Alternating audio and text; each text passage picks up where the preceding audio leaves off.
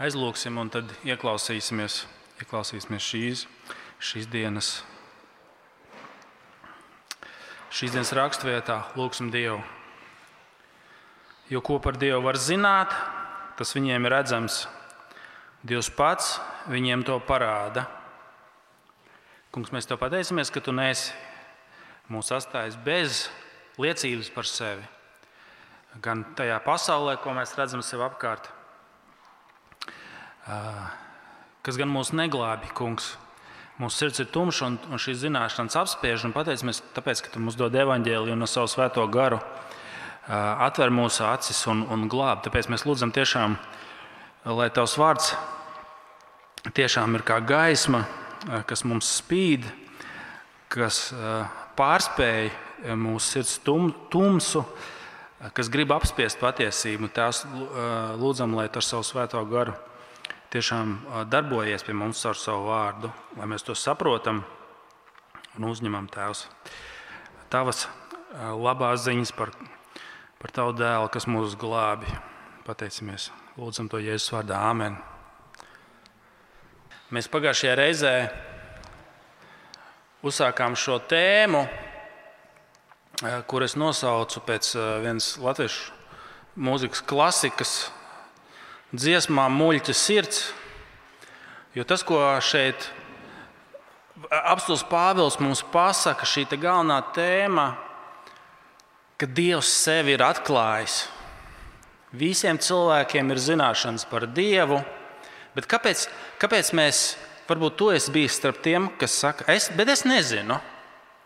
Vai kāds no taviem draugiem, skeptiķiem saka, es jau ticētu, bet Dievs man neatklājās. Kā tas ir, ka kāds no, kāds no mums saka, es īstenībā nezinu? Un Pāvils šeit atbild, ka tā ir tā muļķa sirds. Tā ir muļķa sirds, ka tās zināšanas jau ir. Dievs nevienu nav atstājis bez liecības. Dievs nevienu nav atstājis bez liecības. Apskatieties, 19. pāns, jūs varat atšķirt savu Bībeles, es jums pateiktu. 19. pāns, tā ir 1138. lapas puse. Būs labi, ja jūs sekosiet tekstam līdzi. 19. pāns. Jo ko par Dievu var zināt, tas viņiem ir redzams. Dievs pats viņiem to parāda. Dievs ir parādījis, Dievs ir atklājies. Un, un šodien mēs, mēs te, uzsāksim šo te tēmu, turpinājumu otro daļu, kur, kur, kur, kur Pāvils pasaka, ka mums ir vajadzīgs evaņģēlijs, jo Dieva sots jau ir sācies. Dieva dusmas jau parādās no debesīm. Redziet, 18. pants, bet pār to cilvēku bezdievību, kas netaisnībā, ehm, kas Dieva patiesību nomāca netaisnībā, no debesīm atklājas Dieva dusmas. Tas jau ir Dieva sots, jau sācies, Dieva dusmas jau sākšās. Un šodien mēs paskatīsimies, atcerieties, jums pagājušajā sacīju, kā mēs to redzam, kad Dieva dusmas jau ir sākušās. Kā tas izpaužās? Un Pāvils rādīs, ka tiesa jau tagadnē ir sākusies tādā veidā, ka Dievs nodod mūs sava grēka varā. Ja tu saki, es biju domājis, ka tiesa tas ir kaut kas nākotnē, sots tas ir. Nā... Es saprotu, ka jūs kristieši ticat, ka tiesa būs. Vai tu kā kristietis saki? Es zinu, ka tiesa būs, bet man liekas, tas būs kaut kad nākotnē. Pāvils saka, dusmas jau atklājas tagad. Kā? Šodien mēs to redzēsim. Tas atklājas tādā veidā, ka Dievs cilvēkus nodod viņu grēka varā. Un tad brīdī jūs kliedzat, bet par ko? Tā kā bērnībā, kad tev vecāki nosodīja, vai tev bērni šodien saka, par ko? Jā, par ko? Lai mēs paskatīsimies drusku, atcerieties, es nezinu, kā tas ir tagad. Manā bērnībā angļu grāmatās bija tāds, tāds sadalījums, review saucās. Es nezinu, vai tagad es neesmu savu bērnu grāmatās ieskatījies. Bet tas review, tas drusku nu, kā, par ko, kāpēc. Pirmais ir, jūs redzat, mums šodien ir trīs punkti, bērniem ir trīs dražējas, ja? trīs punkti. Pirmais, tas iemesls, mēs, mēs runājam par apmaiņām. Tas iemesls, kāpēc Dievs cilvēci nodod viņas pašas grēku varā,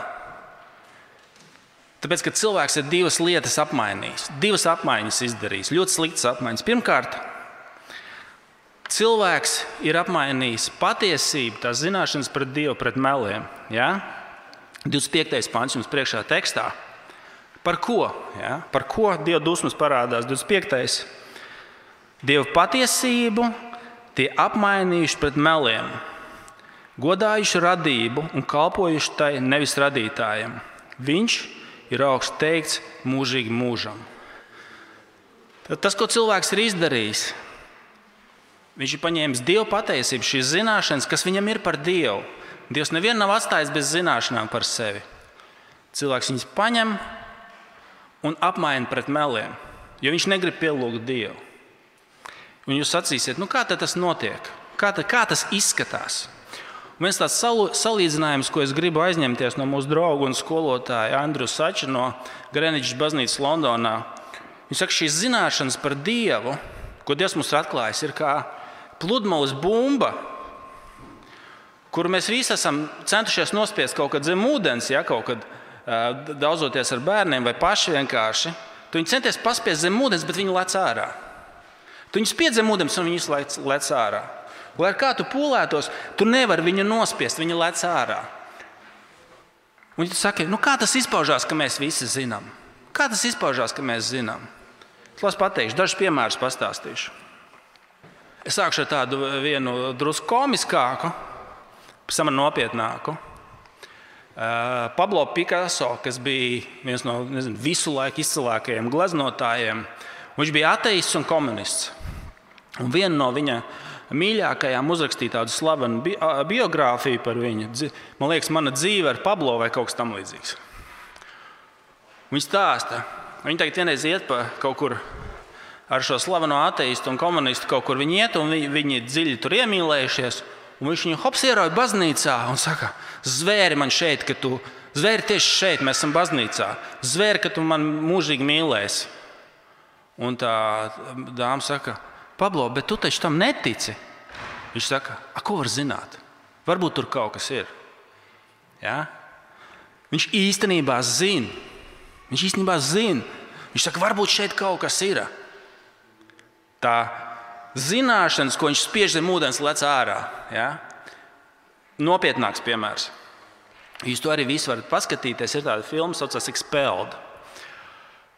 Un šī filma ir tātad, par to, ka no akadēmiskās pasaules tiek uh, spiesti ārā cilvēki, angļuiski šis vārds expelled, kas tic, ka pasauli radīs Dievs. Es tā ļoti vienkārši šo premisu jums pasaku.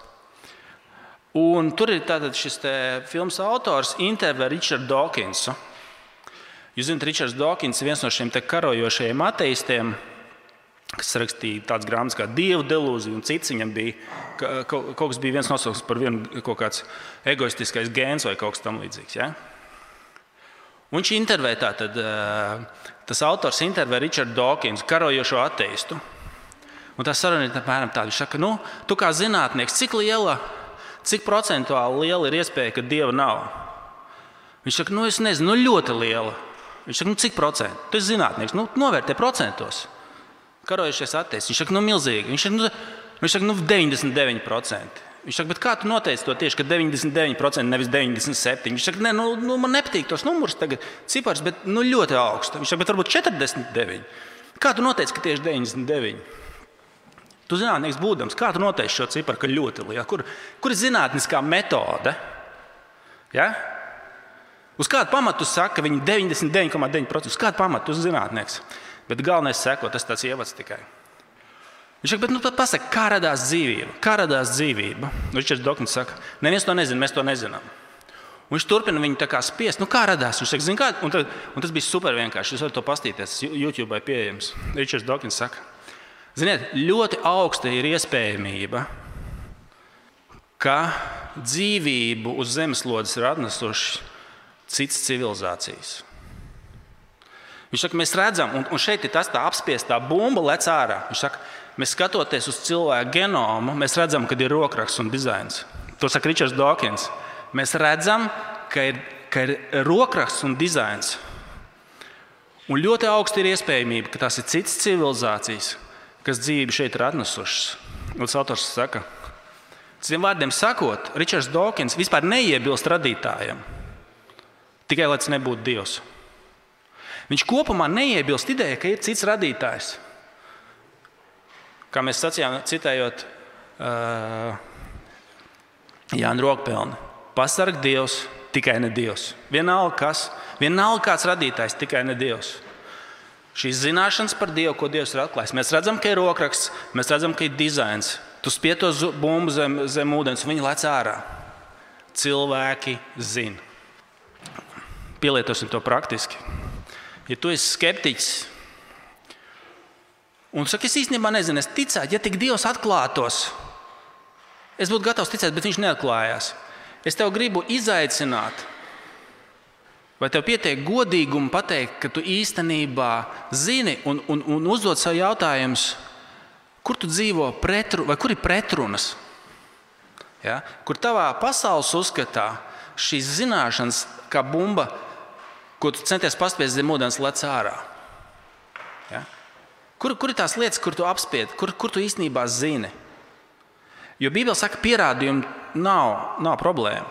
Dievs ir atklājis ārēji dabā, un Viņš iekšēji to tev darīs, zinām, tavā sirdī. Ja? Dievs pats ir atklājis. Tu, tu ārēji skatoties, es jums došu citu piemēru. Tā viena lieta, ko mēs visi esam darījuši. Es, es, es ceru, ka es jums varēšu sakonektēt šo pieredzi. Mums visiem tā ir bijis. Tu izdzirdi kaut kādu dziesmu, Un tu nezini, kas tas ir, bet tu vienkārši esi satriekts. Un tas, ko nākamais tu dari, kurš ir autors? Kurš? Es gribu zināt visu, ko viņš ir uzrakstījis. Tu izlasi kādu, kādu grāmatu, saki, ko viņš vēl ir uzrakstījis. Tavs acis grib pacelties uz radītāju. Kurš viņš, kas viņš tāds ir? Mēs visi to esam darījuši kaut kādā brīdī. Vai kādu gleznu, ko vēl? Tavs acis grib pacelties uz radītāju. Un skatoties uz pasauli, Tavas acis automāti viņa, viņas grib pacelties uz radītāju, kas tas ir. Un kur, kur tu īstenībā zini? Tas tas, ko mēs darām. Bet tā problēma, ko mēs, ko mēs uh, esam izdarījuši, mēs apspiežam šo patiesību. Tā ir pirmā lieta. Mēs esam apmainījuši. Div, pirmā apmaiņa mēs esam apmainījuši patiesību pret meliem. Un ievērojiet, kā viņš saka, ja? tā tad 22. apgalvodam, ka ir gudri tie ir kļuvuši muļķi. Tas tas, ko mēs redzam arī pie Dawkins, piemēram, viņam visādas muļķības jāsāk izdomāt. Vienalga, kas nu, ļoti augsts iespējams, ka tie ir, ka tie ir kaut kāds cits planētas. Tikai līdz nebūtu Bībeles dievs. Mēs redzam rokrakstu, mēs redzam dizainu, vienalga kas. Ja? Kaut kādas muļķības jāsāk izdomāt. Būdam, būdami e, tādā apgalvojumā, ka ir gudri tie kļuvuši muļķi. Tas ir pirmā apmaiņa. Patiesība pret meliem. Otra apmaiņa ir pielūgsme, ka mēs apmainām dieva pielūgšanu pret elkiem. Redziet, 23. Tad nolasīsim sākot ar 22. Otra apmaiņa notikusi apmainot dievu pret elkiem. Apgalvodam, ka ir gudri, tie kļuvuši muļķi un aizvietojuši neiznīcīgā dieva godību ar iznīcīgu cilvēka un putnu un četrkājāņu un rāpuļu līdzībā darināt tēlu. Ja? Tas ir otra lieta, ko iedod. Tāpēc, kad, un te, te, te ir tas moments, mēs esam radīti, lai pielūgtu. Cilvēks nespēja nepielūgt. Cilvēks nespēja atrasties stāvoklī, kur viņš kaut ko nepielūdz. Tā viņš ir uztaisīts. Tā ir viena lieta, ko tu vari zināt, teiksim, sarunā ar, ar saviem draugiem. Tu vari uzdot šos jautājumus. No pirmā punkta tur prasīt, kur viņš īstenībā zina, ka ir Dievs. Vai viņš seko tādām, tādām idejām, kristīgām idejām, kā tam, ka visi cilvēki ir līdztiesīgi? Skatoties uz dabu, nu, mēs jau to neredzam. Jums, te, jums eh, filozofijas un vēstures fakultātē to pateiks. Grieķiem, piemēram, viņiem nepiemīt šī ideja, ka cilvēki ir līdztiesīgi. Tā ir kristīga ideja. Vai ir tādas lietas kā cilvēku tiesības? No kurienes? Ka visiem cilvēkiem piemīt kaut kādas tiesības. Uz kāda pamata? Uz kāda cilvēkiem ir kaut kāds objektīvs, pilnīgi visiem, bet varbūt nav. Meklējiet uh, tās vietas, kur cilvēks īstenībā savā praksē, es jums došu, labi, es vēlreiz, ja jūs man tā, ja jūs uh, tikai tāpēc, ka jūs uzprasījāties. Ateistiskais materiālisms. Ko tas nozīmē? Ka cilvēks ir kaut kas, nu, cilvēks ir kaut kas. Starp citu, vēl viens jautājums. Uh, varbūt es esmu cilvēks, bet tu nē, jo tu esi citādāks nekā es. Viņš, Jānis, kas šeit priekšā, simt punkti ir atšķirīgs no manis. Viņš nav tieši tāds pats kā es. Tad varbūt viņš ir un es ne, vai otrādi. Kāpēc mēs visi esam cilvēki? Ja? Jūs saprotat? Mēs neesam pilnīgi identiski. Tu nevari mūsu klases salikt visus vienādi. Kas pasaka, ka mēs visi esam cilvēki un vienādi? Es jūs drusku izaicinu šobrīd. Ja? Tas ir pirmais. Bet otrs, materiālistiskais attīstības, pasaka, ka cilvēks ir kaut kas, bet tas nav nekas īpašs. Nu, tas ir kaut kas, bet tā ir nejaušība, tie ir audi, šķid, šķidrumi, kaut kādi elektroimpulsi ja, galvā, ķīmiskas reakcijas. Vienkārši skatoties, ne, tas, tas ir kaut kas, bet tas nav nekas īpašs. Bet ateists tā nedzīvo. Ateists no rīta savā lekcijā nolasa Eh, lekcija par to, ka cilvēks ir nu, nekas. Bet tad viņš atnāk mājās, attaisno durvis, viņam skrien pretī viņa bērns, eh, sieva. Viņš nesaka, zini ko, tu nekas, un tu mazais nekas. Ja? Un tas, ko es pret jums šobrīd jūtu, īstenībā ir meli. Man ir tādas sajūtas, ko evolūcija man ir devusi, lai es rūpētos par jums, bet īstenībā tas, tas, tas viss ir viltus. Tas revolūcijas mehānisms, lai piespiestu man jūs nepamest. Lai tā kā bērns piedzimst, viņu nepamest kaut kur lauka malā, bet par viņu rūpēties. Nu, tas bija revolūcijas mehānisms, lai mēs paliktu kopā, lai dzimta turpina. Bet tas viss ir, tas viss, tas viss ir tvaiks. Viņš taču tā nedzīvo. Ne? Viņš atnāk mājās, viņš samīļo savu sievu, samīļo savu bērnu, izturās pret viņiem, it kā viņi būtu kaut kas vērtīgs un svarīgs. Un viņa jūtas pret viņiem, nav tikai ķīmiskas reakcijas galvā. Jūs saprotat, kas ir pa lietu? Ja? Bez Bībeles tu šīs lietas nevar izskaidrot. Un tad, kad jūs runājat ar, ar saviem draugiem, kolēģiem, me, meklē, meklē tas, kur viņš īstenībā zina. Viņš īstenībā zina un dzīvo kā kristietis, noliegdams Dievu. Tas ir pirmais. Tad šī pa, uh, patiesība apmainīt pret melniem. Bet otrs pielūgsme. Tu cilvēku Ja tu nepielīdzi vienīgo patieso Dievu, kāds ir aprakstīts Bībelē, tu pielīdzi kaut ko citu. Tu esi radīts pielūgsmei. Tu, zini, tas ir kā. Tā kā ir, mēs dzīvojam veselīgu uzturu laikmetā, mēs visi, nu, kā, es pieļauju, daudz par to piedomājam. Ja? Tu esi, tu esi tā uztaisīts, ka tev vajag barību. Un tad, kad tu pārtrauc ēst veselīgu barību, nav jau tā, ka tu pārtrauc ēst pareizi. Tu vienkārši sāc ēst neveselīgu barību. Tu vienmēr kaut ko patērēsi. Ja tas nav kaut kas veselīgs, tu vienkārši patērēsi kaut ko sliktu, tāpat arī pielūgsmi. Tu vienmēr kaut ko pielūdz. Ja tu nepielūdz vienīgo patieso Dievu, kā tas ir atklāts Bībelē, Jāhvi, trīs, vīni, trīs personās, tu to ar kaut ko aizvieto. Tu vienmēr kaut ko noliec, noliec vietā citu, un tas ir tas, ko šeit Pāvils saka. Ja? Apgalvodam, ka gudri tie kļuvuši muļķi un aizvietojuši neiznīcīgā dieva godību ar iznīcīgu cilvēku un putnu un četrkāņu rāpuļu līdzībā darnāt tēlu. Mēs vienmēr kaut kā aizvietojam. Mūsu dzīve vienmēr mums ir kaut kas, kas pasaka, šī lieta, šis tev dos kaut kādu veidu glābšanu.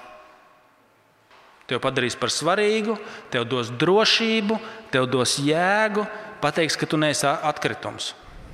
Es nezinu, vai es šeit to jums citēju. Uh, manā bērnībā bija filma Rokijs. Uh, Silvestris Stalons, kas saņēma Oskaru arī par šo, te, par šo filmu. Viņš, viņš tur ir tāds, tāds nab, nabaga puisis no Filadelfijas. Un, un, un viņš tur iet uh, uz, uz, uz, uz šīm gaļas kautuvēm, un tās tušas daudz boxējās pret viņām, un tur sevi moka, lai viņš būtu pasaules čempions. Viņam prasa, kāpēc tu dari? Viņš saka, lai zinātu, ka es neesmu bombas. Ja? Kas ir tas, ko tu dari, lai zinātu, ka tu neesi bombas, ka tu esi kaut kas? Tas lūk, ir tavs dievs. Ja? Tipiski tas, protams, ir materiālā drošība. Nauda ir liels, liels, nu, tipisks tāds. Ja? Es, es, tipiski, kas pasaka, ka ir kaut kā vērts, ka tu vari parādīt uz tām lietām, uz saviem sasniegumiem, ka tu neesi bombas, tu esi vērtīgs cilvēks. Bet kas tev dod drošību tavā dzīvē? Kas, kas nodrošinās, ka es būšu kā, kā cietoksnis savā dzīvē? Protams, tas tipiski ir, ir, ir, ir nauda un, un materiālās lietas. Tas, tas ir normāls. Un mēs ļoti normāli to padarām par savu dievu, ka tas ir tas, kas man glābs, kas man dos drošību. Lūk, mēs esam aizvietojuši dievu ar kaut ko radītu. Ja? Tas var būt reputācija, tā var būt izglītība, kas man pateiks, ka es esmu vērtīgs cilvēks, ka man citi cienīs, es pats sev varēšu cienīt. Ja? Tas būs tas, kas man dos drošību. Kas ir tas, ko tu un arī citu kristiešu tu turpini darīt? Kas ir tas, ar ko tu aizvieto? Vai tad, kad cilvēki tev apkārt, kam ir visa viņa dzīve nodot? Zini, kas ir starp citu interesanti? Lai mēs noslēgsim šo punktu. Kas ir interesanti, pierāda šo tēmu. Cilvēki, kuri jau necīnās par naudas, par maizes kumos, mēs varam saprast, ka cilvēki, lai izdzīvotu, pieņem kaut kādus radikālus lēmumus. Viņam vienkārši, būtu maize uz galda, lai pabarotu savus bērnus. Mēs to vēl varam attaisnot. Bet, zinām, kur, kur ir interesanti? Šis sociālo, socioloģiskais pētījums kļūst interesants. Kur cilvēkiem maizes kumos sen jau nav problēma. Kāpēc tad viņi turpina pārstrādāties? Kāpēc tad viņi turpina neredzēt savu ģimeni? Kāpēc tad viņi krāpjas un tiek iemesti cietumā? Ja? Mēs saprotam, ka viņi vairs necīnās. Kāpēc? Kāpēc? Ja? Tāpēc, ka tas ir kaut kas, kas viņam tas, vai nu tā ir spēle. Ja? Es atceros, pirms kāda laika BBC bija raidījums tieši par City, par bankām. Kāpēc teiksim, tie banķieri, kuri vairs nekad to naudu nevar iztērēt? Tas nav iespējams to naudu iztērēt. Kāpēc joprojām viņi turpina pārstrādāties, kāpēc viņi joprojām turpina neredzēt savas ģimenes? Ja, kāpēc joprojām viņi turpina krāpties un schēmot? Viņi saka, viņiem varētu maksāt vienkārši kokosriekstos. Nav jau starpība vairāk, tāpēc viņš to naudu nekad neiztērēs. Ja? Viņiem vienkārši varētu pateikt, tev ir viens kokosrieks, ja viņam ir desmit, un viņš saka, nē, man būs vienpadsmit. Tas vairs nav stāsts par naudu. Par ko tas ir? Viņi ir aizstājuši vienīgo patieso dzīvo neiznīcīgo dievu rēlku kas, viņa, kas viņam dos kaut kādu veidu glābšanu. Viņam, ja, un vēlks, elks pieprasa kalpot. Ja? Elks pieprasa kalpot. Nekalpo un tu mirsi. Nekalpo un tevs vairs nebūs. Nekalposi man. Tu neesi nekas. Tu, tu, un tā tālāk, aizpildies sarakstu. Ja? Elks liek, mēs visi atrodamies pielūgsmē. Ja mēs sakām, Dieva dusmas jau parādās, tāpēc ka cilvēks apmaina patiesību pret meliem, un cilvēks ir apmainījis pielūgsmi, patiesā dieva pielūgsmi pret elkiem. Un visi mēs tajā atrodamies. Ja? Kad mēs pārtraucam ēst veselīgi, mēs nepārtraucam ēst, mēs vienkārši sākam ēst neveselīgi. Mēs pārtraucam pielūgt Dievu, mēs nepārtraucam pielūgt, mēs sākam pielūgt kaut ko citu. Ja? Un tad mēs nonākam līdz tā, līdz tas, tā tas, tas bija review līdz šim, līdz tam trešajam punktam, kas ir. Kāds tam, kāds tam ir rezultāts? Sots tagadnē parādās, un tā tiesa parādās, ka Dievs nodod cilvēci viņas pašas grēku varā. Ja? Es, jūs varat nu, līdzi ar mani nolasīt, sakot, 24. Tādēļ Dievs tos ir nodevis viņu sirdžu kārībām, tā ka tie nešķīstībā apkauno savu miesu. Dievu patiesību tie ir apmainījuši pret meliem, godinājuši radību un kalpojuši tajā nevis radītājiem. Viņš ir augsts teikts mūžīgi. Āmen. Tādēļ Dievs tos ir nodevis kaunpilnai kaislei, ka viņu sievietes ir apmainījušas dabiskā, dabiskās dzimuma attiecības ar pretdabiskām. Tāpat arī vīrieši atmetuši dabiskās attiecības ar sievietēm. Savā iekārē ir iedegušies viens pret otru. Vīrieši ar vīriešiem piekop, piekopdami kaunpilnas lietas, paši saņemdami pelnītu sodu par savu nomaldīšanos. Un tā kā tie nav uzskatījuši par pareizu paturēt prātā Dievu, Dievs viņus ir nodevis atgādnai saprašanai, ka tie dara to, kas neklājas.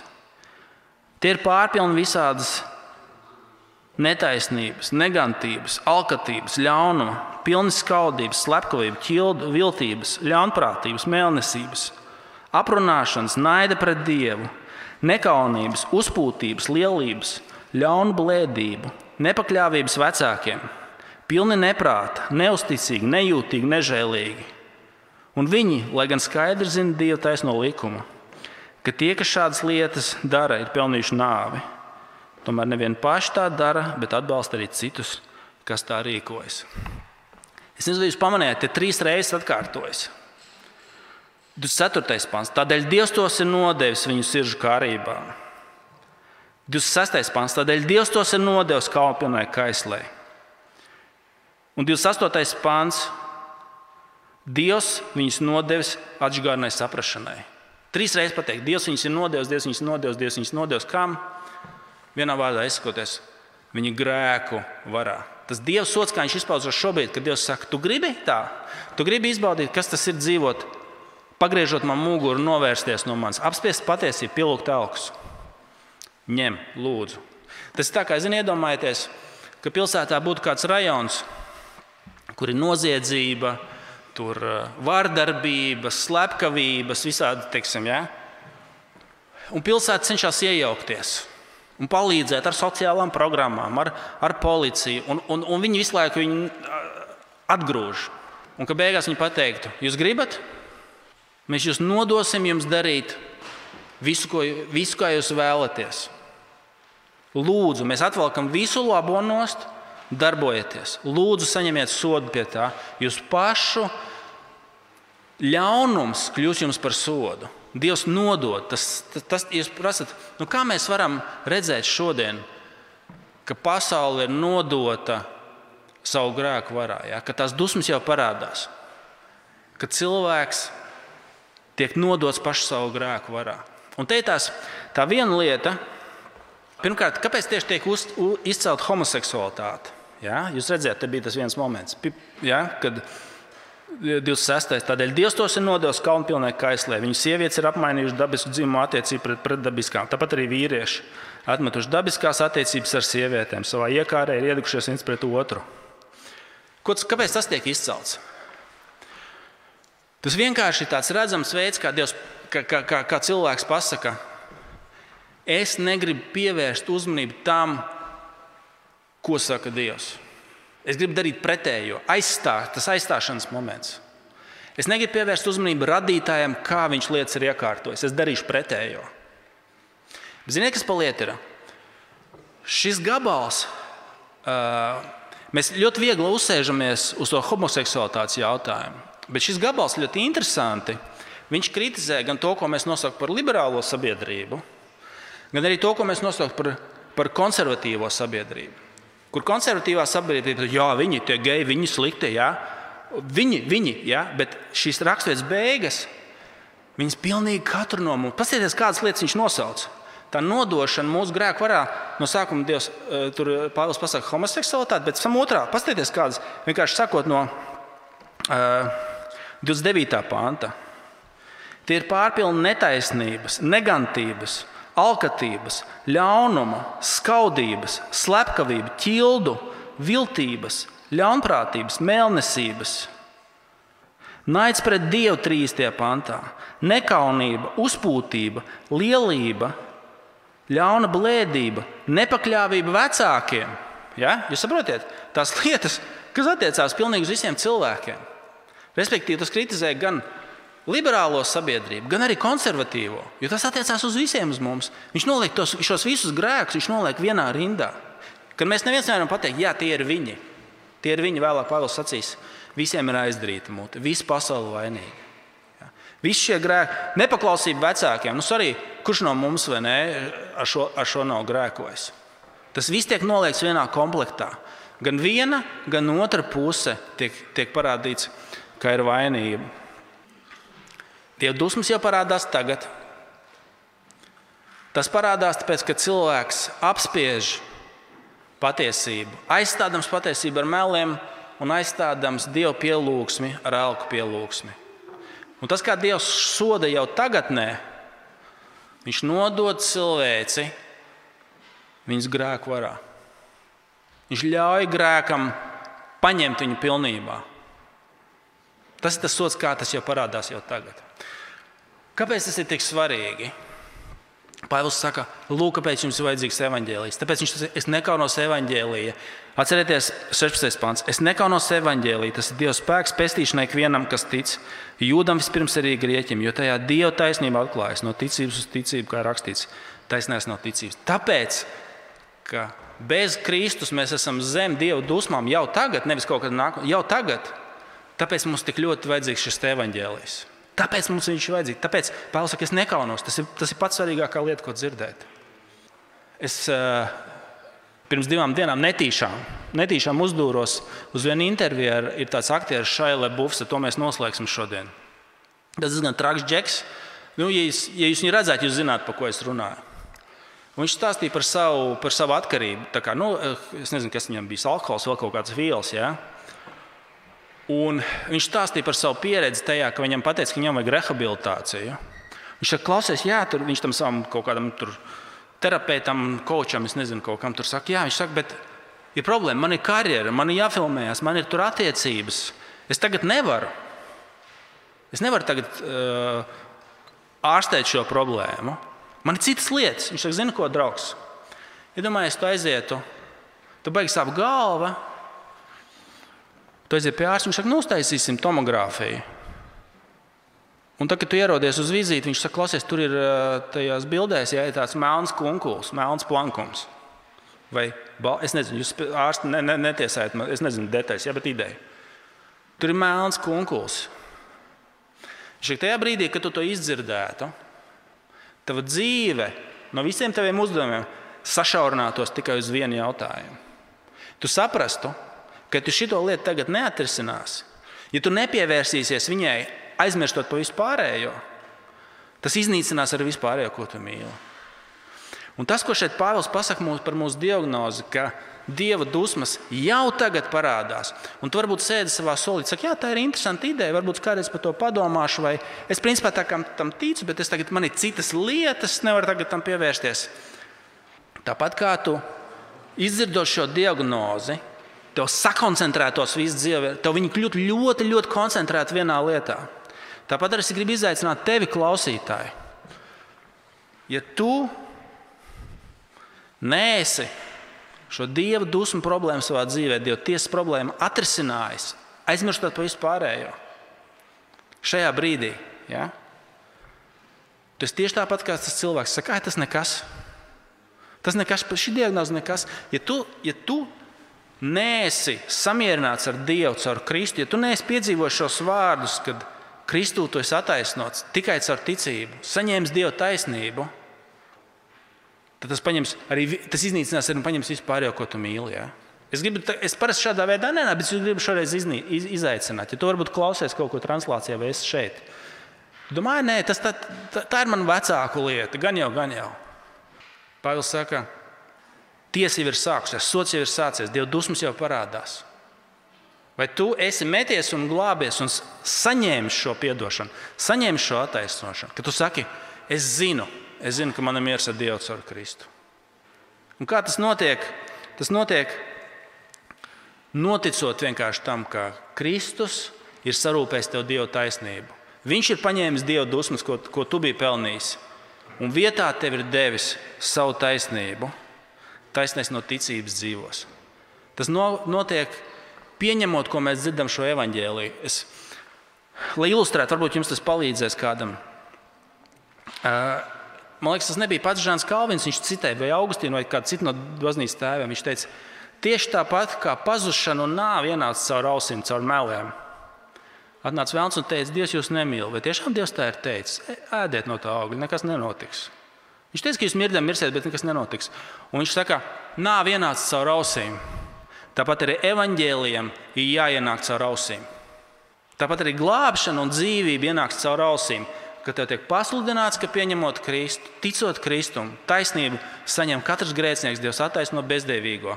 Tas ienāk no tavām ausīm, ka tu dzirdi un tu to pieņem un tam tici. Tāpat arī tev, tavā dzīvē, tas arī dar, darbosies. Caur ausīm. Un otra lieta, starp citu, ko es gribu piebilst, to, ar to es noslēgšu. Tu domā, Kristiet, tas uz mani, ne, nu, tas ir viņiem kaut kādiem. Ja, tur. Ievērojiet, cik daudz šeit tiek runāts par prātu. Ievērojiet, ka visu laiku tiek pateikts, ka tas karalauks ir prāts. Paskatieties! 21. pāns. Jo Dievu pazīdami, tie viņi nav godājuši kā Dievu un viņam nav pateikušies, bet kļuvuši domās tukši, un viņu neprātīgā sirds ir aptumšojusies, savās domās kļuvuši tukši, ja? apgalvodam, ka ir gudri kļuvuši par muļķiem. Tālāk šis 24. Ja? 25. Patiesība apmainījuši pret meliem. Tik daudz tiek pieminēts, ka tas cīņas lauks ir prāts. Un tas, kas tev, kristiet, kā, kas būs tavs dzīves uzdevums, kā tu augsi, ka tu atjaunosies savā prātā. Ka tev būs jāņem caur ausīm, ausīs dzirdot šo patiesību, jāatjaunojas savā prātā. Tāpēc vēlāk romiešiem uz priekšu, turpat 12. no viņš teiks, atjaunojieties savā prātā. Tā lai jūs ir garīgā dievkalpošana, ka jūs atjaunojaties prātā. Tāpēc es jūs gribu ļoti uh, uzmanīt, brīdināt pret visādām kristietības formām, kuras grib apiet prātu, kas grib iedarboties caur emocijām, kas grib iedarboties caur pieredzēm un nav saistīts ar to, ka Dieva vārds, Bībele, izmaina jūsu prātu. Tas ir tas, kā svētais gars darbosies. Viņš ņems Bībeli, Dieva patiesību un mainīs jūsu prātu. Un visas kristietības formas, kas, kas tas nav svarīgi, jūs tur pārāk prātuļot, protams, ka var būt uh, tādas sausas, tīri intelektuālas kristietības formas, kas, kas uh, grib tikai prātuļot, ja? bet nevajag iz, izliet, uh, kā saka, kopā ar netīru ūdeni arī bērnu. Tas, kā Dievs darbosies, caur svēto garu, lietojot Dieva vārdu, Bībeli, viņa patiesība izmainīs jūsu prātu. Tas kara lauks ir prāts, tas kā mēs arī šeit to redzam.